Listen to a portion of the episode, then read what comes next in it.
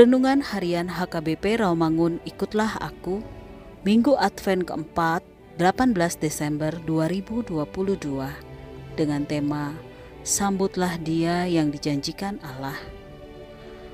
Bacaan epistel kita pada hari ini dari Yesaya pasal 7 ayat 10 sampai dengan 16 dan bacaan evangelium kita pada hari ini dari Roma pasal 1 ayat 1 sampai dengan 7 yang berbunyi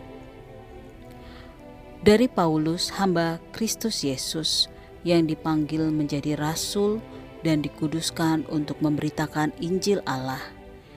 Injil itu telah dijanjikannya sebelumnya dengan perantaraan nabi-nabinya dalam kitab-kitab suci tentang anaknya yang menurut daging diperanakan dari keturunan Daud dan menurut roh kekudusan dinyatakan oleh kebangkitannya dari antara orang mati bahwa ia adalah anak Allah yang berkuasa Yesus Kristus Tuhan kita.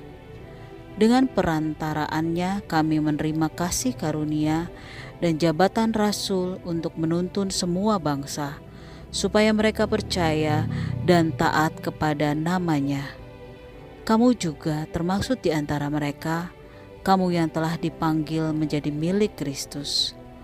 Kepada kamu sekalian yang tinggal di Roma, yang dikasihi Allah, yang dipanggil dan dijadikan orang-orang kudus, kasih karunia menyertai kamu.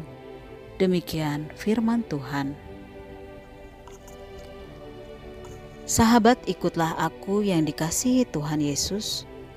Sebagai seorang Kristen, kita diajak untuk menghayati iman yang sesungguhnya bahwa hidup kita mutlak adalah milik Tuhan.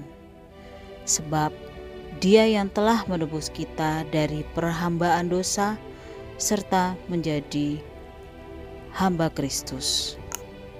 Sehingga status kita adalah hamba milik Kristus.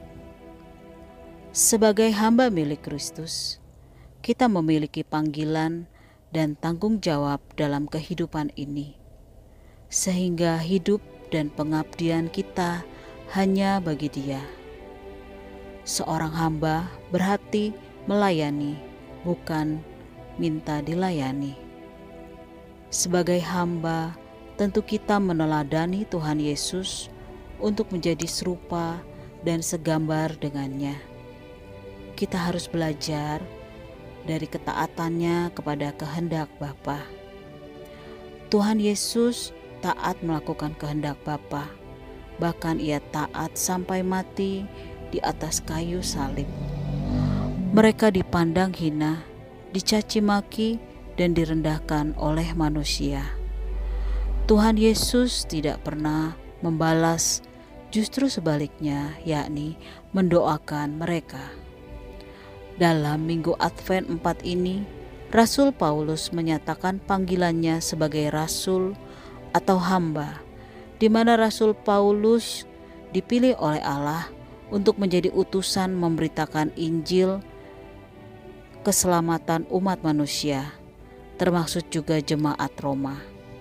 Setiap kita harus memiliki hati sebagai seorang hamba Kristus yang menggambarkan hidup kita sepenuhnya hanya milik Allah sebagaimana Rasul Paulus. Sebagai orang percaya, kita semua menerima mandat untuk melayani orang lain agar mereka tertarik menjadi murid Kristus.